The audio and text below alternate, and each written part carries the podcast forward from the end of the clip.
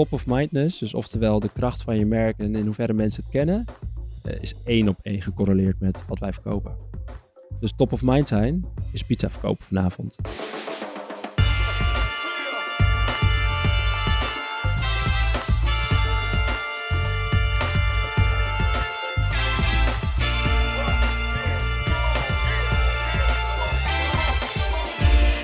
Hallo, goedemorgen, goedemiddag, goedenavond of wanneer u dit ook luistert en welkom bij de Breeze, de podcast over content marketing en jawel, media. Vandaag is het 3 februari, een maandagavond, de allereerste aflevering van 2020. Aan mijn linkerhand een waardevriend en een fijne collega, Matthijs Stielman in 2020. Hallo. Hoe is het met je? Ja, goed man. Hoe is het, eh, hoe is het jaar begonnen voor, eh voor Huizen Tielman? Eh hectisch.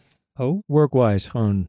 Ja? Ik denk altijd voor januari rustig even inkomen. Maar het was vanaf, eh, hè? wat was het? eh, de zesde was de eerste werkdag. En eh, vanaf dat moment is het eh, rollercoaster eh, naar rollercoaster ja, ride. gewoon Dus, geen eh, tijd gehad om de brief te doen. nee, Gewoon een hele maand overgeslagen. exact. Al die mensen wanhopig. Ja joh, we stonden hier voor de deur. Brieven. Allemaal drama's. Maar we zijn er weer. We zijn er weer. Yes. PSV-stadion was er niks bij. Hey, eh, eh, beste content, wel gezien januari? Of was dat Ja. er ook niet in? Nee, nee, nee, zeker wel de tijd gaat om mooie dingen te Ja, kijken. vertel. en eh, eindelijk de tijd gaat om weer eens documentaires een beetje in te gaan halen. Oef. En degene die er bovenuit stak was de documentaire What's My Name? Muhammad Ali. Gaat over Muhammad Ali, de bokser. Zijn hele levensverhaal. Dus hoe hij nou ja, the greatest of all time is geworden. Geregisseerd door regisseur Antoine Fuqua. Die we kennen van Training Day en eh, The Equalizer en eh Southpaw. Dat soort films super vet geëdit, goede muziek eronder. Dus het is echt een documentaire. Ja, ik, ik was nooit op de hoogte van de daadwerkelijke impact van Muhammad Ali op de boksport, maar ook op de wereld gewoon eh, in general. En ja, zwaar van onder de indruk. Tof. Ja. Hoe, hoe heette die? What's my name? Muhammad Ali. Waar vind ik hem? Ehm, HBO. Moet ik weer een abonnement afsluiten. Ziggo. Ziggo. Nou, wat, vooruit dan maar weer. Ik ga het er doorheen drukken thuis. Ja. Eh, tegenover ons zit ook in 2020 de gast die vertrok in 2017 als marketingmanager bij nu.nl en NuSport. Werd daarna global marketing manager bij carnext.com. Dat kent u als Leaseplan in Nederland. En sinds mei 2019, dus dat is vorig jaar, werd hij marketing director bij New York Pizza. Joost Geurtsen. Joost, hoe is het? Ja, gaat wel lekker. Gaat het lekker? Ja, net een pizzaatje op. Ik wil en, het eh, zeggen. Een Je, gezellig biertje je met bent jullie. gewoon eh, de eerste gast die gewoon het eten meeneemt. Dat is echt top. Ja, ook dacht dat dat de bedoeling was. Eh, Nee. Anders Nee, mag je nee. niet komen, toch? Nee, dit is echt, je, hebt, je hebt vakkundig iedere kritische vraag uit het interview weggepoetst hoor. Want wie de pizza meeneemt, die, die gaan we natuurlijk aardig, eh, aardig behandelen. Je mag over twee weken weer. Ja, Gewoon een Joost Geurtsen show. Dat zou ook wel wat zijn. Hey, eh, is het de eerste keer dat je te gast bent in een podcast? nee, is niet de eerste keer. Eén Oké. keertje eerder gedaan. Was leuk. Maar eh, hier keek ik wat meer naar uit nog. Ah, waar lag het aan? Nou, ik ben eh groot fan van deze show. Kijk. Ja. Wa- wa- wat, eh, hoe komt dat dan? Ehm, nou, geïnteresseerd in eh, media, Ja. content marketing. En eh, het is altijd leuk om een beetje op de hoogte te blijven. En dat kan eh, prima via deze podcast. En heb je andere shows waar je ook naar luistert? Nou, ik ben best wel een podcast-fan, eerlijk gezegd. Dus ehm, eh, ik luister elke dag NRC Vandaag. Ja. Dan voel je je lekker belezen. Kom je lekker belezen aan op werk, beluisterd. En wat ik heel leuk vind is bijvoorbeeld de Wie is de Mol podcast. Ah ja, Dus eh, kijk je achter de schermen. Dat doen ze heel leuk, leuke aanvulling. Dus, eh, dus dat soort dingen. cool. Zit er een, een, een eh, niet, ik wil niet meteen het interview induiken, maar een, een podcast vanuit de New York Pizza, zit dat erin? Nou, ik heb eh, oprecht wel eens over nagedacht. Of eigen podcastje misschien. Maar tot nu toe hou ik het bij luisteren. Oké, Ja. nou, kijken of we je straks kunnen overtuigen van dit fantastische medium, want we gaan straks verder met je praten. Maar we gaan eerst even, ook in 2020, naar het nieuws. Goed, zijn we eh, terug in de studio. We zijn eigenlijk nooit weg geweest. En eh, zoals u van ons gewend bent, spreken we drie nieuwsitems die de media- en marketingwereld in zijn of haar ban hebben gehouden. Eh nieuwsitem nummer 1 gaat over Google. Hoe kan het ook anders? Geen Facebook, maar Google dit keer. Die hebben namelijk een, een nieuwsbericht geplaatst op hun Google-blog. waarin ze vertellen dat ze de beste chatbot ooit hebben ontdekt. Of niet ontdekt, maar ontwikkeld. Mina heet deze chatbot. En dat is een conversa- conversational agent that can do about anything. Dus dat is nog een aardige belofte die ze daar doen. Eh, wat hebben ze gedaan? Ze hebben een chatbot getraind eh, eh, op zo'n eh, 341 publieke social media tekstberichten. Dus ze hebben in principe gewoon eh, eh, je Google Plus account helemaal... eh, 341 door- gigabyte. Oh, gigabyte moet ik zeggen. Ja, er sorry. bij zeggen. Eh, eh, dat, dat, dat houdt zo'n 40 miljard eh, eh, verschillende eh, interactietjes in. En uiteindelijk eh, kan deze chatbot zo'n 2,6 pa- eh, bestaat die eh, chatbot uit zo'n 2,6 mil- eh, miljard parameters. Dus die, die kan zoveel dingen aan elkaar verbinden. Ehm, en die chatbot is, is dus de bedoeling dat dat de manier gaat worden hoe wij met Google, eh, Google gaan praten. Ehm, eh, het is wel zo dat je deze chatbot nog niet kan gebruiken. Dus het is alleen nog maar Ja, stel screenshots en een, eh, een berichtje op het Google-blog. Eh, waarom kan je er nog niet eh, mee, mee aan de gang? Omdat ze het model eerst willen laten vetten op, op het gebied van veiligheid en, en bias, op, op vooroordelen en vooringenomenheid. Dat is waarschijnlijk wel iets goeds, want toen Microsoft in 2016 hun chatbot T op Twitter losliet, duurde het een paar uur voordat dat ding zo racistisch als de pest was en iedereen begon uit te schelden. Dus eh, een klein beetje voorzichtigheid omtrent die hypermoderne chatbots is wellicht op zijn plaats. Ehm, maar eh, de reden waarom we er hierover wilden gaan praten, is omdat eh, dit natuurlijk wel eens een impact kan hebben op advertising. Matthijs. Ja, als Google iets doet, dan zit daar natuurlijk een soort lange termijnvisie achter. Ja, iedere feature betekent gewoon een, een, een, een nieuw, nieuw kassapunt waar een advertiser kan gaan afrekenen. Zo Ja. dubbel zou je hem kunnen zien. Nou, en het is natuurlijk ook wel mooi om nu te zien, kijk, die, die eh, teksten waar het op getraind is, kunnen we denk ik best wel van uitgaan dat dat eh, vanuit je Gmail komt. Eh, die mooi is ingedeeld op conversaties, dus daar kunnen ze dingen uithalen. En alle andere Ja. tools die ze tot hun beschikking hebben, kunnen ze in principe inzetten om dit ding slimmer te maken. Ja, en de vraag is natuurlijk een beetje, hoe gaat dit werken in, in de vorm van eh, eurotjes en dollars opleveren in de toekomst? Dat vind ik wel een interessante. Weet je, gaat dit eh, algoritme bepalen hoe je straks met je Google Assistant praat. Weet je, gaat hij beter praten? Gaat hij je beter begrijpen? Ehm, ja, gaat dit eh, de manier waarop we op internet zoeken veranderen? Ga je niet meer in een zoekbalkje, maar ga je juist in een soort chat erachter komen waar je echt naar op zoek bent en krijg je dan ja, de juiste website voorgeschoteld? Ja, Het is nog even, even gissen wat het precies gaat worden. En dat zegt natuurlijk ook veel over de techniek waar we het over hebben. Dat, dat, ja, we weten het allemaal gewoon nog niet zo goed. Maar Wat Nee. laten die eh, screenshots zien dan? Want is het echt inderdaad het vervangende zoekbalkje? Of? Nee, Ja. nee, nee. Het is, het is een, een gesprek wat gevoerd wordt. En, en deze tool, die, eh, ja, nu moet je het simpel uitleggen natuurlijk. Maar wat eh, een normaal menselijk gesprek. eh, we hadden net tijdens de voorbespreking het voorbeeld van nou, Super Bowl was gisteravond. als we dit nu aan het opnemen zijn. En je praat erover van, oh, heb je de Super Bowl gezien? Een fantastische touchdown. Maar vervolgens heb je heel veel mensen die dan in één keer de afslag nemen naar, oh ja, en die advertentie was ook echt vet tof. En een traditionele chatbot zou dan vastlopen. Die Ja. zou dan denken van, oké, kut, ik weet niet meer, eh, ik snap het niet, eh, Ja. terug naar de wedstrijd, weet je wel. En, en dat is wat ze hier nu hebben ingebouwd. Dus, dus dat zo'n ding heel erg de breedte in kan redeneren. En zelfs qua humor eh, dingen aan het doen is. Ja. Ehm, maar ja, ik vind wel wat dat je dus ziet dat dat ding 2,6 miljard parameters in zich heeft zitten en nog steeds niet 100% kan communiceren als een mens. Dat Nee. zegt toch ook wel iets Maar over... ik verwacht er toch wel wat van. Want als je Google Assistant nu aanzet, dan kom je niet heel veel verder dan Nee, eh, wil je nee. een muziekje afspelen. Nee, precies. Dus het lijkt heel erg dat dit een soort opmaat moet worden naar hoe Google Assistant straks gaat werken. En eh, dat je daar dus echt gewoon volledige conversaties mee kan gaan houden. Ja.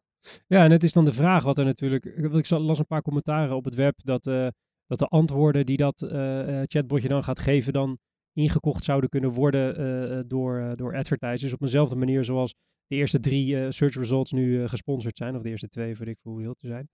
Maar ik denk dat, dat dat gaat niet werken, want dat, dat saboteert eigenlijk de volledige user experience. Dat gaat natuurlijk Ja. niemand doen. Op het moment dat het eerste antwoord van je chatbot eh, eh, een, een advertentie is, dat, dat, ga, je nooit, eh, ga je nooit pikken, denk ik. Nee. Maar het is volgens mij wel een veel geavanceerdere manier van dataverzameling natuurlijk voor Google, die ze vervolgens weer kunnen verpatsen aan, aan advertisers die voortaan allemaal binnen hun privacy framework van Chrome moeten gaan functioneren vanaf 2021 als ze de cookies de nek omdraaien. Precies. Dus eh, houd altijd in het achterhoofd op het moment dat Google een nieuwe feature lanceert, creëren ze eigenlijk gewoon een nieuwe kassa waar je als advertiser kan gaan afrekenen. Ehm, en dat is totaal niet verrassend. Volgende nieuwsitem van deze aflevering eh, het draait om eh, die andere van de grote, de Four Horsemen of de Five Horsemen of hoe je ze ook wilt noemen. Ja. De vrucht, Apple. Apple. Ja, nee, Vertel. er, er is een website, de, de Apple Archive. Ehm, ja, als, als Apple fanboy is dat eh super leuk om te zien. Eh, dat is een website waar eh, ongeveer 15.000 advertenties van Apple te vinden zijn. Eh, vanaf de jaren 70, dus echt vanaf de, de allereerste computers eh, tot nu. Gewoon video, print ads, noem maar op. Alles staat erop. Of beter gezegd, stond erop. Eh, want de, de oprichter Sam Henry Gold, die eh, krijgt sinds kort allemaal mails van Apple dat hij, eh, dat hij de boel offline moet gaan halen. Apple is er niet mee eens. Apple claimt dat de meeste content die erop staat, dat het eigendom is van hun en dat hij daar dus ja, niks mee mag doen. En ehm, ja, hoewel dat juridisch misschien klopt, heb ik zoiets van ja, als, als toch iemand de moeite neemt om al jouw advertenties uit een soort van liefde voor wat je doet te gaan verzamelen. Waarom zou je dan in godsnaam dat offline gaan halen? Als mensen Ja. gewoon ja, gaan kijken naar de, de advertenties die jij maakt uit zichzelf. Maar stonden letterlijk alleen maar advertenties in. Ja, die Ja. site, we hebben het ook ge- gecheckt. De- De, de site wordt gesponsord door één bedrijfje. ehm, die audio-apps maken voor eh, de Mac en, en de iPhone. Maar dat staat echt heel klein. Het staat echt letterlijk bij van zij zorgen alleen maar dat de site in de lucht blijft. Eh, er wordt verder geen geld meer verdiend, zeggen ze. Dus het is wel echt heel bijzonder dat Apple er zo hard in gaat. Ja, inderdaad. Maar er is toch gewoon een, een, een, eh, een een corporate jurist die vanuit eh, angst eh, zijn werk denkt te doen. Toch? Ja, zou het? Tuurlijk, die heeft gewoon een, een Google Alert aanstaan op Apple. en die is dat ding tegengekomen. Die denkt, nou, voordat mijn baas het ziet, eh, ik stuur maar snel een paar brieven erop af. Ja. Je gaat mij niet vertellen dat eh, eh, eh, de wijle meneer Jobs of, of al zijn opvolgers hier zo heel erg een probleem van... eh, Een overijverige jurist die gewoon... dat eh, denk ik wel. Want eh, ja, maar Ja, dan ik zou geen andere reden kunnen vin- vinden waarom ze dit eh, de nek om zouden willen draaien. Zouden ze het zelf willen doen en dan achter een paywall gooien. Ja, daar gaat er een heel veel betalen. Ja, jij misschien. Maar eh, nee, ja, nee, nee ik, ik, ik, het moet bijna wel dat dit tussen de, tussen de mazen van zo'n corporate door is geglipt. En dat nu, eh, omdat het een, een, een likable website is onder nerds, eh, lees The Verge, eh, nu in een PR-crisis is uitge, ontaard, denk ik. Ja, ik vind ook, ik, nou ja, ja. Ik, ik- wat, wat ik ook wel, het zet je ook wel aan het denken van als een advertentie dus de wereld ingeslingerd wordt, voelt het als een soort publiek bezit. Ja. Maar blijkbaar is dat dus helemaal niet Ja, zo. dat is wel een interessante gedachte, ja. Ja. Ja. Eh, ik Joost, ook wel. Ja, ik, ik google hoe, zelfs mijn eigen advertenties als ik even wil zien wat we afgelopen zomer hebben gedaan. Ja. Dus ik vind het archief wel handig eigenlijk. Maar als ja, iemand je zou, nou je zou die vent bijna inhuren. Ja. een soort archivaris. Maar als, als er iemand een site begint over eh, de, de mooiste ads van New York Pizza, dan, Ja, dan dan ga je toch niet... sponsoren. Precies, Ja. dan ga je toch helemaal uitmelken. Ja. Ja, ik Heel het, gek. eh, bijzonder. ja. Zouden ze even moeten bellen met ze, wat er aan de hand is. Of is het weer een PR-stunt? Zou het? Nee. Nee, dat kan niet. Nee, dit, is, dit voelt niet als des Apples. Nee. Maar goed, inderdaad, eh, dit, ja, is een, is een advertentie eh, publiek eh, goed op het moment dat je het de eter in flikkert? Ja, ik Als er een jurist luistert die hierop het antwoord heeft, dan horen wij het graag. geef even een geel. Ja. Geef even een geel. Nou ja, maar niet helemaal natuurlijk. Want je hebt ook te maken met eh, wie erop staan, de rechten van die Ja, mensen. Nou, misschien is dat het wel, ja. De, Ja. de modellen en de buyouts en dat soort dingen. Dat ja, als je daarmee in de problemen komt. Ja. Ja. Ja, en in die tijd werd er natuurlijk nog niks afgekocht voor, voor het web. Dus al die... Nee. eh, Nee, maar oprecht, ja, zoiets zou het kunnen zijn. En Ja. dan, eh, maar zeg dat dan even. Nou ja, precies. Dat, eh, ja. Oh, dat ze het daarom doen. Ja, ja, dat ze gewoon bang zijn dat ze anders weer wat claims aan hun broek krijgen, omdat ze niet genoeg hebben gedaan om die dingen te Ja. beschermen. Ja. ja, maar het heet ook gewoon die unofficial Apple Archive. Dus in die zin is het redelijk... Nou ja, Ja, als je de Wayback Machine aangooit en je houdt Ja. een... ja. Ja, hetzelfde verhaal. Nou goed, eh, we gaan het meemaken. Apple Archive dus. Hij is dus helemaal niet meer in de lucht, begrijp ik. ja, hij is er nog wel, maar het wordt steeds minder. Dus Ah. eh, alle leuke dingen zijn er schijnbaar al af. Dus als jij nog een productfoto wil zien van eh, de Apple II uit 1972, kan dat waarschijnlijk nog wel. Yes. Maar eh, de echt toffe iPod commercials die legendarisch zijn. Of, eh, Ja, waarschijnlijk willen ze gewoon een museum beginnen trouwens. Ja, dat is het. Dat Ja, zou wel kunnen. Ja. Ja. En, maar maar oké, laatste vraag hierover. Heeft Apple dan niet op hun eigen YouTube-kanaaltje al die shit staan? Nee. Dat is ook wel Niet raar. dat ik weet. Dat is ook raar. Ja. Dat is ook raar. Nou, eh, eh, Apple, als je luistert, eh, gaat dan of zelf doen, of Ja. laat meneer Sam Henry Gold, of weet ik hoe die pipo heet, lekker met rust. Precies. Koop dat spul gewoon. Maak er zelf wat van. doe En huur die vent in. Hè? Ja. Zet hem in een stoffig magazijn en laat hem heel de dag lekker commercials poetsen. Maakt het uit. Niet zo kinderachtig doen. Zo, we zitten er scherp in. Ja, hè? Hè? De laatste. Ehm, eh, van deze aflevering eh, gaat eh, om het gele spookje. Gaat over het gele, gele spookje, moet ik zeggen. Snapchat, want die hebben een nieuwe functie geïntroduceerd. Die ik persoonlijk heel wel, wel grappig vond. Het heet namelijk Bitmoji TV. En de gelouterd social media gebruiker weet dat Bitmoji de avatar is die je binnen Snapchat kan genereren van jezelf. Dus het poppetje waarmee je te zien bent in Snapchat als je dat dan eventueel zou willen.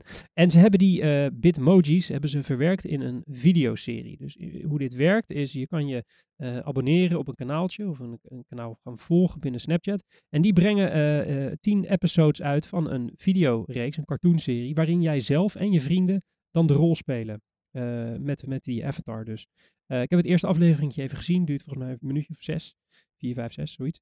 Eh, en is eigenlijk best wel grappig, want je ziet jezelf. En ik zag Björn, die hier de techniek doet. Want dat is een van mijn weinige Snapchat-vrienden, want die is nog eh, onder een leeftijd waarin je niet meer mag zeggen dat je op Snapchat zit. Ehm, eh, dus dat, ik vond het eigenlijk hartstikke, hartstikke geestig. Ehm, eh, is te vinden in de Discover-sectie van, van Snapchat. Daar schijnen mensen zo'n 40% meer op te zitten sinds het afgelopen kwartaal in 2019. Dus dat schijnt een wat populairdere sectie te zijn. Of er zaten gewoon heel weinig mensen op, wie zal zeggen. Stond in ieder geval in het persbericht. Eh, en het is een soort onbewuste user-generated content. Ik vond het eigenlijk, eigenlijk hartstikke grappig. Onbewuste user-generated Ja, want ik content. heb helemaal niet... Nieuw genre. Ik, ja, ik heb helemaal niet... eh, ik heb hier helemaal niks aan bijgedragen. Los van drie knopjes indrukken, En mezelf iets knapper gemaakt dan dat ik in het echt was. Een soort Pixar met jezelf erin. Dat is het. Ja. Ik vind het echt tof. Het, is, het is echt oprecht best wel grappig. Maar jij scande dat spookje, dus van die Bitmoji TV, dat ding. En dan Eh, staat ja, hij automatisch... Ja, je, je, je eh, zoekt gewoon in de app van, eh, van Snapchat, zoek je Bitmoji TV. Dat is dan gewoon een account of een kanaal, of hoe je het ook eh, binnen die app noemt.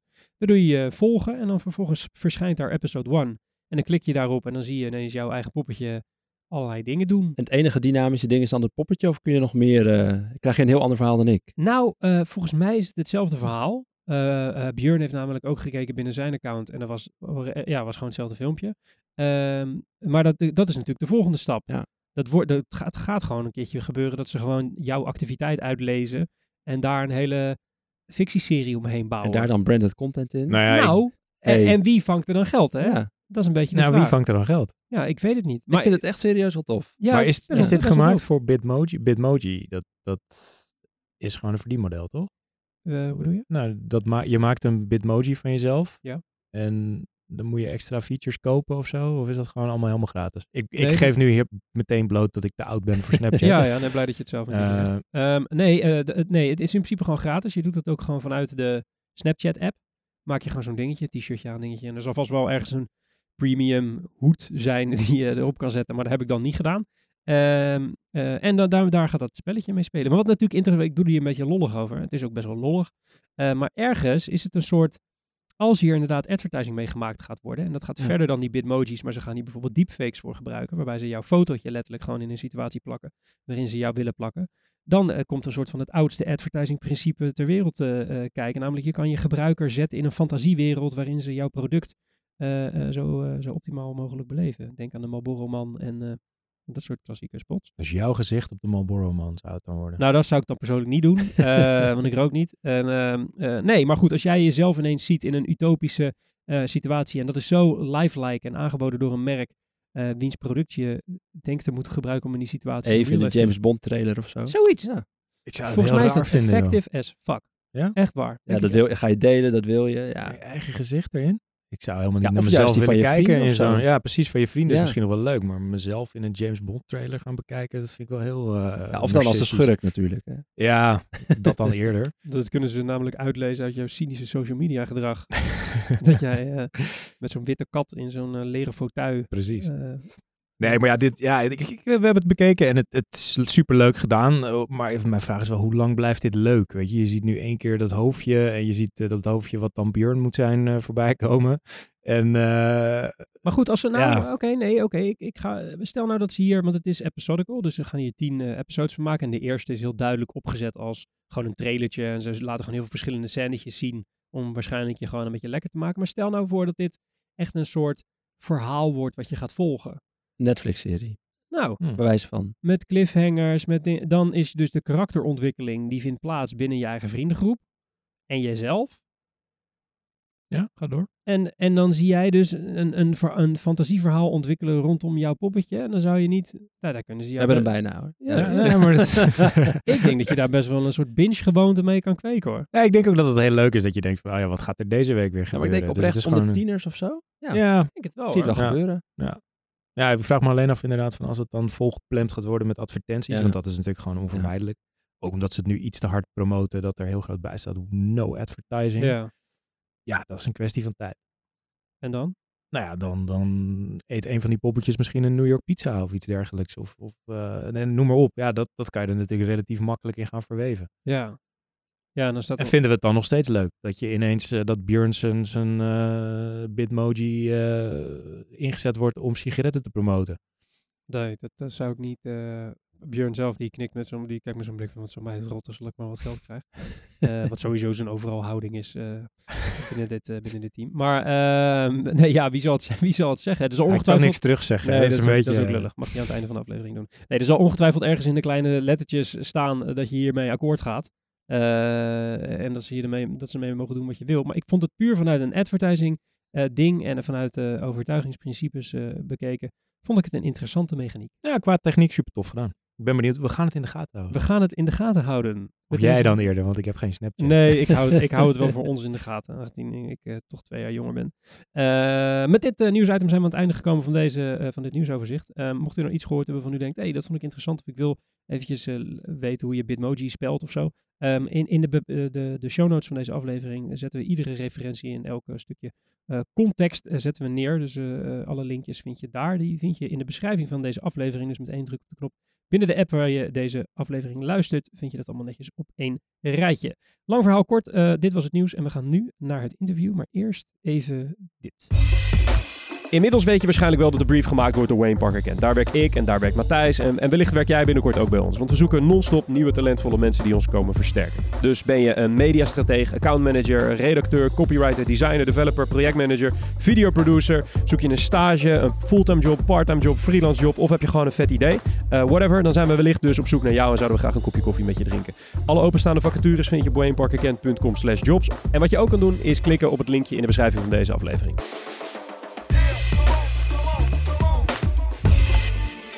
Zijn we weer terug in de studio met Joost Geurtje van New York Pizza, die ons net heeft getrakteerd op een pizza. Eh, Joost, wij deden eh, research, eh, zoals wij braaf altijd doen voor ieder interview. En toen schetste mijn verbazing waar jullie merk vandaan komt. Ik weet dat heel veel luisteraars hetzelfde hebben. Ehm, kan je eens uitleggen waar New York Pizza vandaan komt? Waar, wanneer is het allemaal begonnen? Ja, ja, ik kwam erachter toen ik een beetje research aan het doen was voor mijn sollicitatie. Want ik dacht natuurlijk dat ze uit New York kwamen. Zoals heel veel met mij. Maar het is gewoon begonnen in Amsterdam. Dus eh Philippe Forst, eigenaar en dus eh, de bedenker van New York Pizza, die dacht, eh, hey, pizza bij de slice, dat hebben ze in New York. Dat hebben ze in Nederland niet. Dus laat ik gewoon als losse slices gaan verkopen. Het brengt ook nog eens meer op, hè, in plaats van een hele pizza. Dus in Amsterdam een, een winkel begonnen en dat ging eigenlijk als een trein. En ja, zo geschieden. Daarna dacht hij ook van, dat ga ik eens buiten Amsterdam proberen, slice stores. Had hij al meerdere van. En dat sloeg helemaal niet aan. Daar heb je best wel wat volume voor nodig. En heel veel toeristen vinden het vooral ook heel lekker.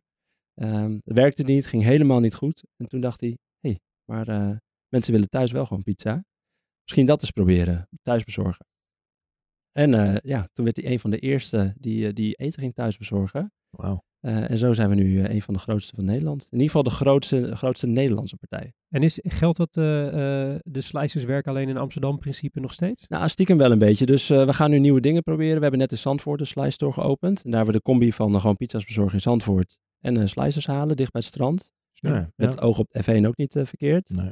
Eh, en we gaan een nieuw concept proberen. Dat is een slice drive-thru. Dus eh, in Goes gaan we een drive-thru openen. Eh, en daar eh, kun je een sliceje bestellen. En dan ga je naar het volgende raam. Dan krijg je een sliceje. Oh, wat grappig. Waarom in Goes? Ehm, nou, daar kregen we eigenlijk een hele mooie kans voor een mooi stukje vastgoed.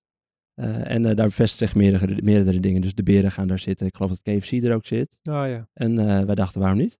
tof. Let's Ja? go. Gewoon Cool. proberen. Zijn er, zijn er eh, andere grote ketens in het buitenland die dat ook eh, doen? Ja, in het buitenland heb je ze wel. Dus Pizza Hut doet het in het verre buitenland. Oh, ja, tuurlijk, maar in de omringende landen is het bijna niet. Ik geloof dat er in de UK een, eh, nog een partijtje is die het doet. Ik ken de naam niet eens. Maar ja, wij dachten, dit moeten we gewoon proberen. En zo zijn we toch ook steeds op zoek naar andere manieren waarop we de consumptie van pizza kunnen laten plaatsvinden. Ja.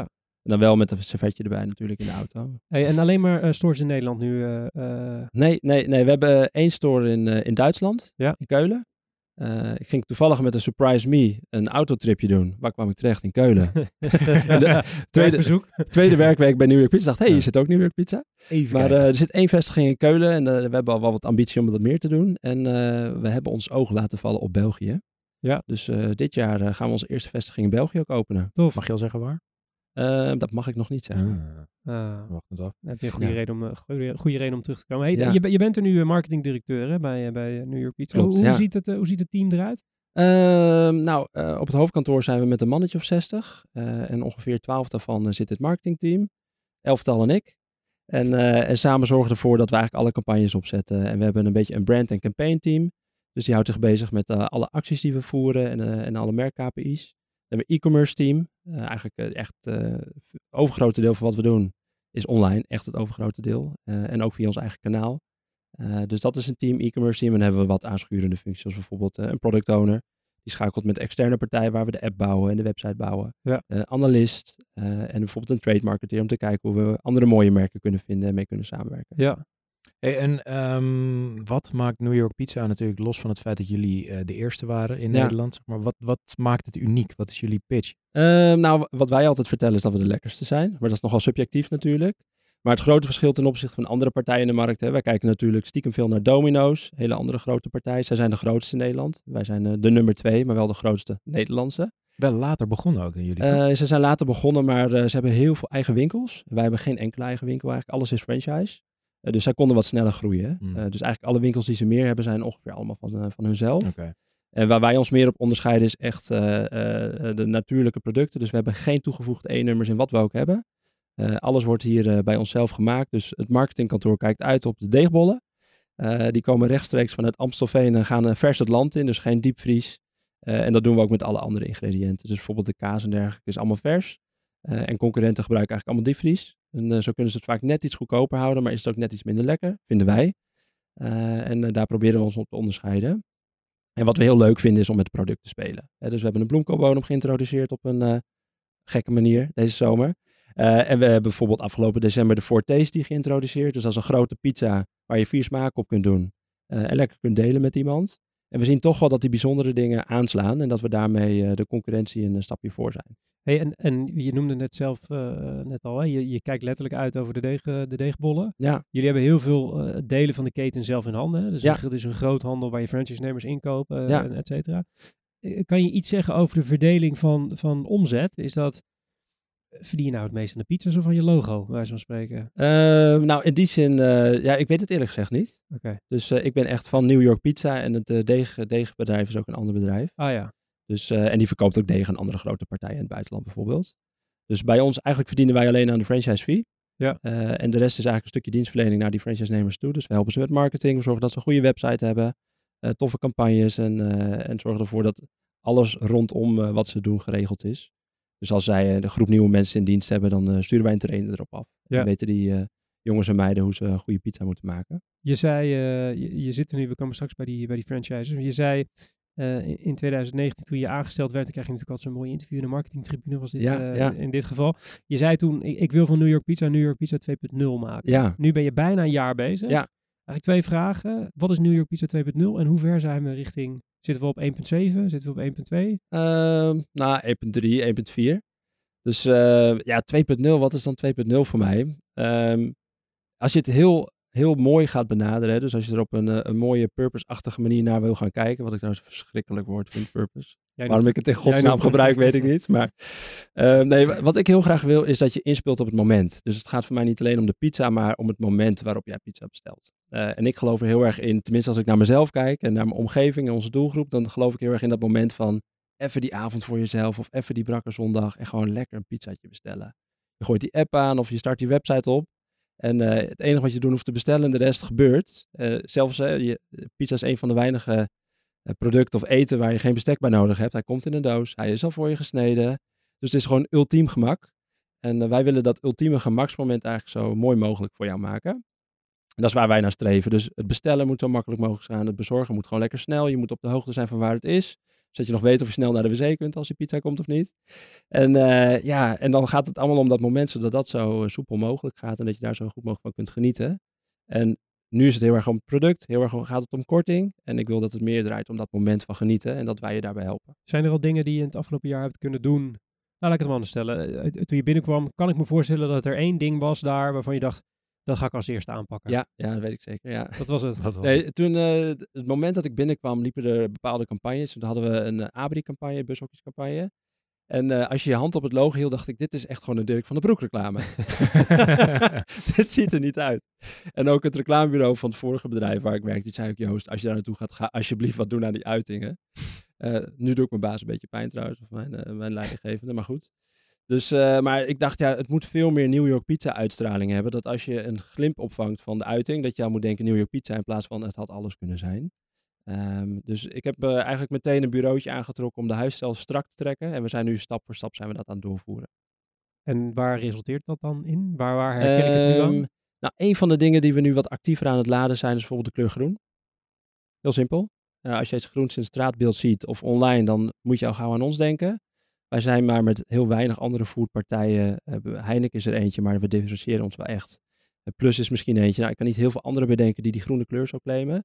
Eh, en het past wel goed bij ons, dat all natural. Het is positief, het is groen, het is nieuwe pizza. Ehm, dus dan kun je wel makkelijker claimen. Ik, bijvoorbeeld, ik weet niet of het jullie is opgevallen, maar Albert Heijn heeft natuurlijk best wel een soort van rebranding facelift mee, meegemaakt of meegekregen. en daar is dat blauwe veel meer naar voren gekomen. En dat vind ik best wel een mooi voorbeeld van hoe je dat heel consistent kunt gebruiken. Ja, claimen van die kleur. Claim van die kleur, ja. ja. Gevoel, ja. Hey, en um, ja, je zei het net ook al, uh, het kwam even voorbij, maar um, de smaak van het product. Ja. Ik ben heel benieuwd naar hoe ontwikkelen jullie nou eh, alle nieuwe smaken? Ik heb het idee, als je op jullie site kijkt, zie je nu in één keer heel veel dingen met kip. Ja, en, en ja. kip op pizza, dat, dat is iets waar ik nog niet helemaal aan gewend ben. Ja. Maar hoe gaat dat in zijn werk? Ja, dat is eigenlijk het leukste aan mijn baan. Dus uh, dat, dat is niet. De, we hebben een category manager in dienst. Die uh, bij grote merken zoals Verkade heeft gewerkt, bij Albert Heijn. Dus die heeft heel veel verstand van hoe positioneer je nou de producten in jouw assortiment. En hoe zorg je ervoor dat je daar verschillende doelgroepen mee bereikt. en voor ons is het vooral kijken, kunnen we nieuwe doelgroepen aanspreken? Hoe kunnen we onze bestaande doelgroep behouden? Dus onze core doelgroep is gek op vlees. dus er zit altijd vaak, of vaak zit er wel een vleespizza tussen die voor een goede prijs. Maar daarna zijn we meer op zoek van inderdaad, kunnen we meer die veggie kant op. Of uh, inderdaad, uh, moeten we op groentebodems of op delen. Of, uh, en dat is het leukste, want dat doen we eigenlijk met z'n allen. Dus de CEO, ik, de category manager, de mensen van de, de operations afdeling, mensen uit het marketingteam. We, proberen dingen met z'n allen. we betrekken daar veel franchise-nemers bij. Dus we proefsessies, proberen allerlei ingrediënten. En, en dan echt serieus als een franchise-nemer denkt, hey, dit is een goed idee, dan gaan we proberen en misschien wordt het altijd wel. Wat, wat uh, nou, dat is een hele cliché vraag, maar ik ga hem toch stellen. Heb je, wat is het laatste wat je hebt getest van je dacht, nou, dit gaan we echt nooit meer doen? Um, ja, dat was salm op een pizza. Oh ja, dan ben ik ook geen fan van. Het is best oké, okay, maar het ziet er ook helemaal niet zo lekker nee, uit. Nee, nee. Dus uh, toen dachten we, nee, dit wordt hem niet. En wat is de laatste hit die je hebt gehad? Uh, de laatste hit, zonder dat ik verklap wat we gaan introduceren, vind ik lastig geven. Oké. Okay. Maar um, ja, Nee, vind ik echt even moeilijk te zeggen, want anders ga ik allemaal dingen verklappen die eraan zitten ik kan, je, ik kan je redden. Je, je introduceerde uh, vorig jaar de, de bloemkoolbodem ja. als nieuwe ding. Dat deden jullie met een, uh, nou laat ik het zo zeggen, in de mediawereld controversieel uh, filmpje. De bloemkoolpizza. Ja, borsten slash tieten. Ja. Kies in 2020 even jezelf welke woorden je het minst beledigend vindt. Uh, en en uh, ja, ik vond het een vrij geestig, geestig filmpje, maar mensen vielen nogal over elkaar, zou vrouwenvriendelijk uh, zijn et cetera, et cetera. Uh, het is altijd lastig om te onderscheiden of er nou echt ophef is of dat wij media marketing professionals het gewoon heel erg leuk vinden om hier ophef over te er zaaien. Er was echt ophef. Er was echt ophef? Ja, we hebben verrotte bloemkolen in, uh, of in uh, geadresseerde dozen gekregen. Wauw. Meerdere keren. Dus uh, nee, er werd wel wat van gevonden, ja. Maar um, dan, dan een, een, een Excel-vraag. Heb je, heb je het gezien in de cijfers? Werden er minder pizza's besteld? Nee, het ging heel hard. Ik wou zeggen, het ging is heel toch goed. gewoon juist een soort nee, van... Dit, dit was... Uh, uh, zie, ik snap dat er heel veel verschillende meningen over zijn. Je kunt het bekijken als een platte grap. Je kunt het bekijken als een PR-truc. Je kunt het bekijken als iets wat heel smerig, smerig is en wat helemaal niet meer past in deze tijd. En ik snap eigenlijk alle kanten ook wel. Um, maar het heeft vooral heel veel aandacht uh, gekregen. Ja. En waarvan ik zelf dacht, nu weten we het toch wel. Maar ja. toen begon er weer iemand over. Uh, zelfs dat mijn moeder me opbelde zei, vind je baas dit nog wel leuk? toen zei je, wacht maar tot het omzetcijfers ja, binnen zijn. En het, was, het had heel leuk geweest, maar als Philippe zelf had gezeten, hij vond het fantastisch. Ja. Want het is natuurlijk best wel gek dat mensen zo losgaan op het feit dat je uh, een grapje uithaalt. Want het is ook niets meer dan een platte grap. En we, ze we zeiden in de media maar net zo plat als onze bodems. Maar uh, ja, mensen gingen daar gewoon, gingen daar gewoon hard op. En daar hebben we heel veel aandacht voor gehad. En dit heeft wel een beetje bewezen dat er niet echt iets bestaat zoals uh, slechte publiciteit. Nee. Ja. Nee, en het was ook wel, jullie hebben eerder een keer zo'n ding gehad, toch? Ook iets ja. dat voor jouw tijd. Ja, het zat een beetje in de roots van New York Pizza. Je moet het zo zien. Uh, wij knokken tegen de grote reuzen. We hebben best wel een beperkt marketingbudget. En met dat uh, beperkte marketingbudget proberen we soms ook met een grapje of een grolletje onder de aandacht te komen. Uh, dit is daar zo een van. en bij het merk past om provocative te zijn, zoals we dat dan zelf noemen op zijn Engels. Maar we durven wel een beetje te provoceren uh, met een grapje, met een knipoog. Uh, en daar krijgen we dan wel eens de aandacht mee. En zo is het ooit begonnen. Heel weinig marketingbudget. Volgens mij hadden ze 30, 40 vestigingen. En toen, uh, toen hadden ze de lekkerste doos van Nederland. En er stond letterlijk oh, ja. een naakte dame met een mm. pizzadoos ja. op een bepaalde plek. en daar gingen mensen echt op dezelfde manier helemaal los op. ik geloof dat mijn manager zat toen bij Koffietijd. Daar konden ze wel om lachen overigens. en, eh, en dit was een beetje oude tijden terughalen met een dikke knipoog, een campagne doen. Ja. En eh, het stiekem gebeurde er precies hetzelfde. Ja. Ja. Is het iets wat je, eh, wat je herhaaldelijk zou willen doen? Of je Nee, van, nou, als er wat leuks voorbij komt, Nee. dan eh, grijpen we misschien de kans. Het was, het was een hele leuke campagne en, en ook best wel eh, tof om mee te maken, want er gebeurde van alles. Maar dit is natuurlijk niet de manier waarop je een merk bouwt. En eh, heel af en toe, één keer in de zoveel jaar, mag je misschien een grapje uithalen. Maar verder zijn we vooral bezig om lekkere pizza's te verkopen. Ja. Wat ik wel interessant vind, is je zegt natuurlijk al jullie producten zijn gewoon niet ingevroren. Er zit geen eh, rommel in, Ja, zeg maar. ja. Jullie roepen dat niet. Nee, ik vind ook stiekem dat we dat verhaal helemaal nog niet goed vertellen. Dus eh, en, en, en smaak is iets subjectiefs, dus dat is ook best wel lastig. Maar we moeten wel veel beter over de bühne krijgen dat we eh, kwalitatief gewoon een beter product leveren. Eh, en misschien hechten mensen daar wel waarde aan. Dus wij, wij kijken heel erg hoe we op dat gemaksmoment kunnen inspelen. Maar dat gemaksmoment moet ook lekker zijn. En dit is daar onderdeel van. En ja, echt, we vertellen het nog niet goed genoeg. Nee, lijkt me wel moeilijk, omdat je je, je, eh, product is natuurlijk niet altijd top of mind. De, zeg maar, de, de window die je hebt tussen eh, Ja. aankoop en beslissing is volgens mij super klein. Tenminste, als ik voor Ja. mezelf kan spreken, is het gewoon, ik heb trek geen zin om naar de appie te lopen. Eh, een app in, daar sta je, nou ja, als je in de, tussen de thuisbezorgje staat, sta je in een etalage met allerlei andere merken. En dan, baf, ik ga voor de Doe Je Pizza of Ja. ik ga voor dat. Eh, als je daar nog een soort van vertellaag aan toe wil voegen, dan is dat wel... Ja, maar dit, dit maakt wat mij betreft pizza echt een van de tofste producten om te vermarkten. Het is echt direct response. Als ik nu marketing doe, dan heb ik vanavond pizza's Ja, verkocht. precies, Dus ja. als marketeer wil je niets liever, want je bent altijd op zoek naar wat werkt wel, wat werkt niet. Dus eh, ik noemde het al in het interview voordat ik hier begon. Maar eh, zei ik, pizza is bij uitstek een marketingproduct, maar dat is het ook echt. En dat maakt het wel heel erg leuk, maar stiekem is het heel erg actiegedreven. En de balans zit hem natuurlijk in hoe bouw je een merk eh, met acties. Eh, maar bouw je wel echt een merk waar mensen de voorkeur voor hebben. Ja. Ja. En, en hoe afhankelijk zijn jullie inmiddels geworden van de thuisbezorgds en, eh, en dat soort diensten? Ja, niet zo dus. Dus het, het is een belangrijk onderdeel van onze mix, oprecht. Dus je hebt eh, thuiszorgklanten en je, beschrijft eigenlijk net de doelgroep. Dat ben jij een beetje misschien. Maar eh, als je op thuiszorg zit, zit je misschien nog een beetje te dwalen. Waar heb ik nou zin in? Hoeveel geld wil ik uitgeven? Eh, en dan zit je een beetje te scrollen en dan kom je bij ons terecht. Want wij zijn relatief goedkoop eigenlijk eh, binnen thuisbezorgd. En weet ik veel, als je een Thai laat thuiskomen of, of iets anders, dat is vaak net even wat duurder, boven de 10 euro. Wij zitten toch vaak net onder de 10 euro. Eh, en, eh, en pizza blijft altijd top of mij natuurlijk. Hè? Dat is typisch thuisbezorgd eten. Dus eh, nee, thuisbezorgd zijn we niet heel erg afhankelijk van. Nee, nee. Doe, doe je be- bewuste acties om mensen te, te converteren van thuisbezorgd besteller naar eh New York Pizza nee, de grap is eigenlijk dat mensen beloond worden als ze naar newyorkpizza.nl komen, of de app. Want we doen eigenlijk acties alleen op ons eigen platform op dit moment. Ja. Ja. Maar dat betekent dat ook dat je, weet ik veel, flyertjes doet eh, eh, bij thuisbezorgd bestellingen of dat je je franchises dat laat doen? Ik kan me voorstellen namelijk dat het best wel, het is natuurlijk waardevol voor Ja. jullie op het moment. Nou, het mag niet allemaal. Hè? Dus eh, je, je hebt eigenlijk die gegevens alleen om transactionele communicatie te doen. Dus je mag ze de bon sturen of de bon geven. En eigenlijk mag je daar geen reclame op maken. Maar we hebben, wel. nou, we hebben een hele mooie pizzadoos. Ja, en daar kun je Ja. stiekem wel heel veel dingen mee. Hè, dus nu hebben we een hele leuke actie lopen met twee pizza's en twee Dunkin' Donuts. Gelijk even reclame, hè? daar zijn we. nee, maar eh, wat wel leuk is, dan eh, proberen we bijvoorbeeld de weken een aanloop daar naartoe die reclame op de dozen te doen. En dan, eh, dan krijgen de thuiszorgklanten krijgen zo'n doos. En denken ze, hey, ik moet bij nieuwpizza.nl ja. zijn. Ja. Hey, en, maar ik, ik kan me voorstellen dat via je eigen website en je eigen app, Ja. dat je daardoor, ja, je, één, je hebt gewoon een directe band met je klant, Ja, waardoor je dus ja. ook meer kunt gaan leren van die Ja. klanten. Ehm, hoe goed ken jij de consument? Nou, stiekem best wel goed. Dus eh, we weten natuurlijk best wel veel van die klanten in de zin van we weten eh, waar ze die pizza eten. En op welke plek dat is. Eh, we weten vaak ook wat geslacht en dergelijke leeftijd. Ehm, en het eetgedrag. En op basis van het eetgedrag proberen we juist hele relevante aanbiedingen te doen. Dus een van de eerste projecten die ik letterlijk de week nadat ik bij binnenkomen ben gestart is bijvoorbeeld het installeren van een DMP. Een data management platform om echt goede profielen te kunnen maken en veel, veel relevanter te kunnen communiceren. Bijvoorbeeld sinds vandaag zijn we om op, eh, op een nieuwe e-mail tool. Eh, en eh, we sturen sinds vandaag e-mails die ook op je mobiel goed te lezen zijn. Heel leuk. Dus dat is Nu al? onderdeel van de 21. 2.0. Dat is onderdeel van de 2.0. Dingen gewoon naar deze tijd trekken en vooruitkijken. Maar nee, het mooie is wel, wij weten zoveel dat we aan een relatie kunnen bouwen. Eh, en wij, dat we relevant kunnen zijn. Hè? Dus als jij altijd vegetarisch bestelt, ja, dan moeten we geen aanbieding doen voor een vleespizza. Ja. Even En- de domste variant dan. Hè? Is er nou ook echt een, een New York pizza klant ehm, die nooit bij Domino's bestelt? Of, of zie je daar toch is- een ja, soort van Zo werkt het wel een beetje. Dus je hebt gewoon de fans. En dan eh, ben je gewoon gek van één pizza die zij toevallig hebben of die wij toevallig hebben.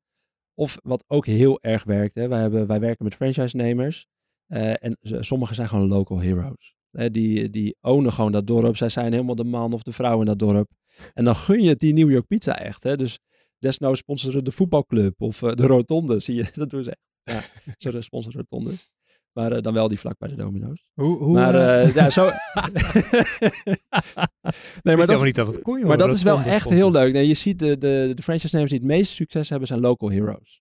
En dat moedigen we ook aan. Dat zit ook in de marketingstrategie. Wij doen de landelijke marketing. We helpen ze met lokale marketing. Maar zij moeten het echt gaan doen. En met die winkel uit en, eh, en mensen gaan vinden. Hoe, hoe eh, eh, om daar meteen op door te pakken, hoe, hoe hou je dan de regie als, als marketingdirecteur? Weet je, hoe voorkom Ja. je dat niet, niet- ja. Ja, ik vond dat, ik vond dat stiekem heel lastig. Maar eigenlijk is dat ooit waarom ik voor dit vak heb gekozen.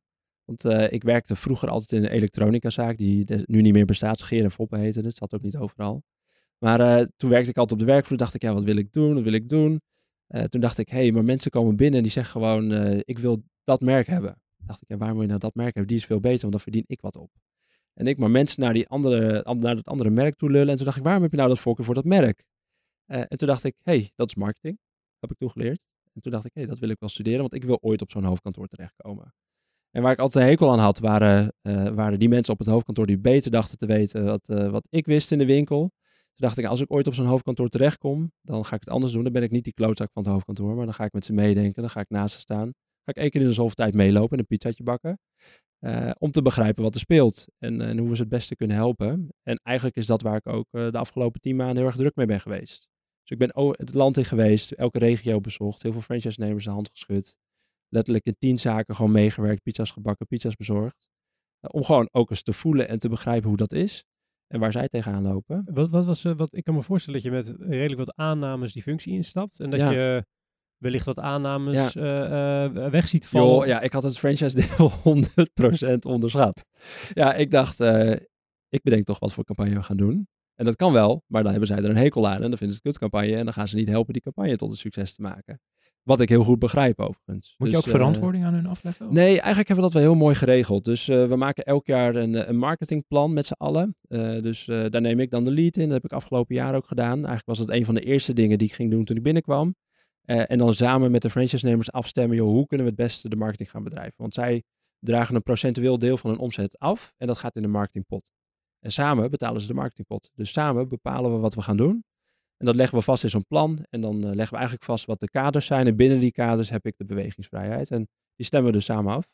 En wordt er dan ook op het eind nog gestemd van, nou, we Ja. zijn hiermee akkoord. Ja, contractueel mogen ze zelf stemmen. Dus dat is meerderheid van de franchise-nemers is voor, Ja, dus en, ik, en dat is supergoed. Want eh, zo maak je iets waar je met z'n allen achter gaat staan. En ook lokaal, wat ik zei, die local heroes, zij maken het met ons tot een succes. Is dat niet heel, heel zwaar, zeg maar? Omdat je dit, Ja, zwaar, maar ook wel Stel leuk. je hebt de meerderheid van 51%, betekent nog steeds dat 49% het niet leuk vindt. Dat is de democratie. Ja. Nee, nee maar zo, zo gaat het wel. In dit geval, wat ik leuk vind om te melden, is dat het eh, met bijna 100% was dat ze ja. Ja. stemden. Maar dat kwam ook echt omdat we met z'n allen hebben gezeten van, joh, wat zijn nou die handige dingetjes, die onhandige dingen. Bijvoorbeeld, wij hebben ook gewoon mensen op de marketingafdeling doen POS-materiaal. Ja, er zitten gewoon hele stomme dingetjes van afprijzen of, eh, of gewoon concreet prijzen noemen of gewoon de onhandigheden eruit halen. Ze waren heel erg blij dat gewoon iemand luisterde en samen met hun dit ging oppakken.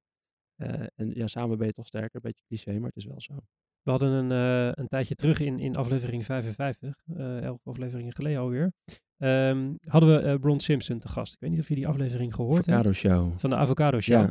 Ja. Dat is ook natuurlijk een, ehm, een, een franchisehouder, of ik weet niet hoe je het noemt, in Ja, franchisegever. Gever, Ja, eh, zo ja. zou je het willen noemen. Dus ik, ik heb hem eh, even een berichtje gestuurd. Ik zeg, Ron, eh, luister, ik krijg de marketingdirecteur van New York Pizza op bezoek. Dat is een eh, gigantische tent, daar kan jij wat van leren. Heb je nog een vraag? Hij zei, nou, ik heb zeker een vraag. Eh, eh, die luidt als volgt. Pizza is waarschijnlijk het meest verkochte gerecht ter wereld en is de concurrentie dus moordend in welke buurt of delivery app dan ook. Hoe belangrijk is het merk voor New York Pizza en hoeveel percentage van het jaarbudget gaat er vanuit New York Pizza HQ naartoe? Naar dat merk. Ja. Kun je daar iets over zeggen? Ehm, ik vind het lastig uit te drukken in percentages. Maar top of mindness, dus oftewel de kracht van je merk en in hoeverre mensen het kennen, eh, is één op één gecorreleerd met wat wij verkopen. Dus top of mind zijn is pizza verkopen vanavond. Eh, en daar is het ook wel lastig met de concurrentie. Hè? Dat als wij reclame maken, maken we stiekem reclame voor de categorie pizza. Eh, en dan profiteren andere partijen ervan. Andersom gebeurt dat ook. Hè, dan zien we dat ook in onze cijfers. Dus da- dat laat eigenlijk al zien, hè, zelfs als een concurrentencampagne is, dat wij daarvan mee profiteren. Want ze maken reclame voor de categorie pizza. Eh, dus eh, voor ons is het extreem belangrijk. En eigenlijk wat je al zegt, waar we nog veel meer aan moeten werken, is kijken hoe we die associaties die aan het York Pizza merk vastkleven, hoe we die nog beter krijgen, waardoor mensen echt sterk de voorkeur krijgen voor ons ten opzichte van iemand anders. En, en als jullie dan campagnes draaien, wat, wat is op dit moment je, je mix? De- Wat die Eh, qua, wat voor type media we inzetten, Ja, bedoel je? ja. Ehm, ja, het verschilt een beetje. Dus eigenlijk zitten we nu net in een fase. Dus ik ben best wel new school, zoals we dat dan eh, noemen. Hè. Mijn, eh, de, de founder van New York Pizza, die is eh, iets meer old school. Eh, en samen is 1 plus 1 3 eh, over het algemeen. En ik heb eh, een tool geïntroduceerd waarmee we eigenlijk de optimale mix gaan bepalen. En daar zitten we middenin. Dus we zijn dat model aan het fine-tunen.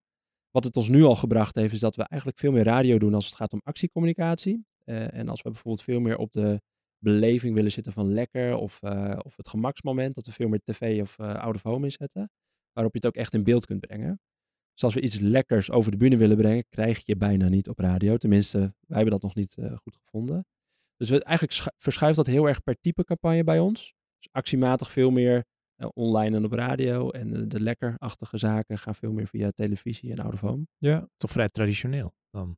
Ja, een tikkeltje traditioneel, maar je moet je voorstellen, radio, voordat ik binnenkwam, zetten we het nauwelijks tot niet in, bijvoorbeeld. En, en dan is radio heel traditioneel, maar het werkt wel heel goed. Maar welke momenten pak je dan? Is het dan echt inderdaad tussen, tussen vijf en zeven, als iedereen in de file staat naar huis, uh, eventjes een advertentie of een aanbieding erin? Of, of? Ja, stiekem merk je dat, uh, dat een, een bepaalde GRP-druk al heel veel effect heeft, dus top of mind zijn. En stiekem werkt het eigenlijk al heel goed als je dat ochtends doet, zodat mensen s'avonds denken, hey, pizza bestellen. Op het moment zelf werkt wel, maar niet eens zo goed. Dus veel meer eigenlijk op het ochtend- en middagmoment. Uh, dus afgelopen week hadden we bijvoorbeeld getest met radicals op alle nieuwswebsites. Op het middagmoment. En we zagen inderdaad s'avonds uh, het organisch verkeer echt gigantisch stijgen, dat soort dingen. Ja, en dan Terwijl, heb je het over uh, homepage takeovers. Ja, homepage takeovers. Ja. Ja. dus ik dacht even aan mijn oude liefde, nu.nl. Wat pizzatjes bezorgd op de redactie, een leuke korting. En toen een mooie radical ingezet.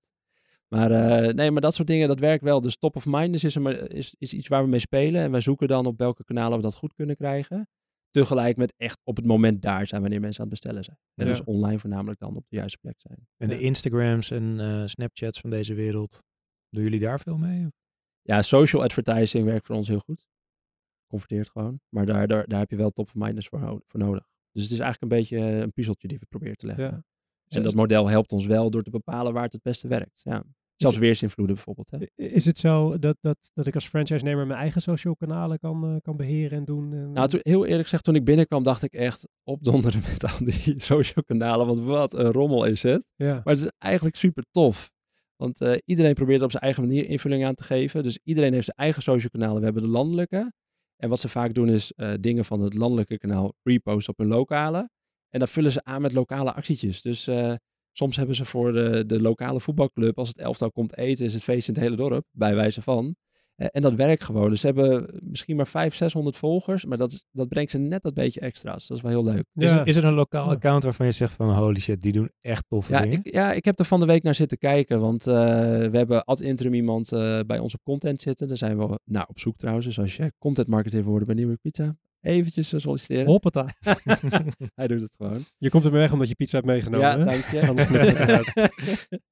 ja, ik moest het proberen. Maar uh, nee, wat, wat uh, we waren even aan het kijken van welke lokale accounts doen het nou heel leuk. En bijvoorbeeld Nijkerk en Purmerend. Dat zijn hele enthousiaste franchise-nemers, maar vooral nog enthousiastere werknemers. En die maken er gewoon een feestje van, die laten zien hoe leuk het is. Dus, en dat zijn typisch vestigingen die heel erg weinig moeite hebben met uh, personeel vinden. Terwijl anderen het weer heel moeilijk hebben. En gewoon door te laten zien hoe tof het eigenlijk is en hoe leuk het is om daar te werken. En hoe leuk het is om daar pizza te bestellen, uh, zijn ze lokaal eigenlijk bekend. Heb je, heb je richting die, uh, die franchisers ook een soort recruitment plicht vanuit marketing? Dus uh, moet, je, moet je een beetje... Nee, niet per se een plicht, maar uh, bijvoorbeeld in de marketingplannen maken we daar wel afspraken over, dat we ze daarbij helpen. Ja. Maar dat proberen we gewoon de win-win te maken, waar we enerzijds het merk groot kunnen maken, maar anderzijds het groot kunnen maken onder potentiële bezorgers. Ja. Hoe, hoe, moet ik dat voor me zien? Gewoon een algemene spot en daarna de ja, vestigingen waar mensen nog nou, afgelopen jaar hebben we bijvoorbeeld met uh, Donny, Maradoni, hebben we, hebben we een, een, een social formatje opgezet. Ja. Een serie van video's, uh, waarin hij eigenlijk uh, liet zien hoe tof het is om bezorgd te zijn bij New York Pizza. Ja, was grappig. En uh, dat werkte super goed. Ja. Echt duizenden sollicitanten op binnen gehad. Echt bizar. Ja. De- die is nu wel redelijk voor je neus weggekaapt, Maradoni, als eh, brand ambassador door, door Toto. Waren Ja, een beetje eerder, wel. denk ik. Ja, eh, ja, ja, we waren een beetje tegelijk. Febo Ja. heeft hij ook gedaan. Febo heeft hij ook Febo gedaan. doet hij ook. Als je ja. het mij vraagt, heel eerlijk, vind ik dat hij net iets te veel doet. Ja. Waardoor het meer een uithangbord wordt dan dat hij eh, Ja. van zijn eigen content uitgaat als je het eh, in marketingtermen spreekt. Ja. Ja, die gouden Rolex is niet gratis. Die gouden Rolex is zeker niet gratis. Stone Island is ook Ja. niet, niet te goedkoop. Maar het is wel een hele leuke manier om voor ons een beetje te spelen met hey, kunnen we dichter bij die doelgroep komen? En dit zat dicht op die doelgroep. Tof. Hey, eh, eh, eh, Joost, je, je zei ehm, eh, in hetzelfde interview waar ik net al aan refereerde dat het je jongensdroom was om ooit marketingdirecteur te worden. Dat het de reden is waarom je ooit bent gaan studeren. Ja, je bent het nu. ja. Dat is lekker vroeg in je carrière, want je bent 29. Eh, eh, valt er al iets tegen aan de job? Ik bedoel, je hebt hier naartoe gewerkt. Nou, Of valt is het alles, tegen? Nee, is het alles nee. wat, je, wat je had Het gehad? valt niet tegen, maar het valt wel mee eigenlijk, dacht ik. Dan zit je op een gegeven moment in die job, denk je, oh, ik kan dit eigenlijk wel. je baas luistert ja, ook, hè? ja. Nee, ja, ik, nee eh, hij vindt het juist heel leuk dat, eh, dat ik dit soort dingen doe. Maar ehm, nee, ja, het, nee, het viel me niet tegen. Nee, ehm, ik vind het vooral gewoon super leuk. Dus ik heb mijn vak gewoon gevonden.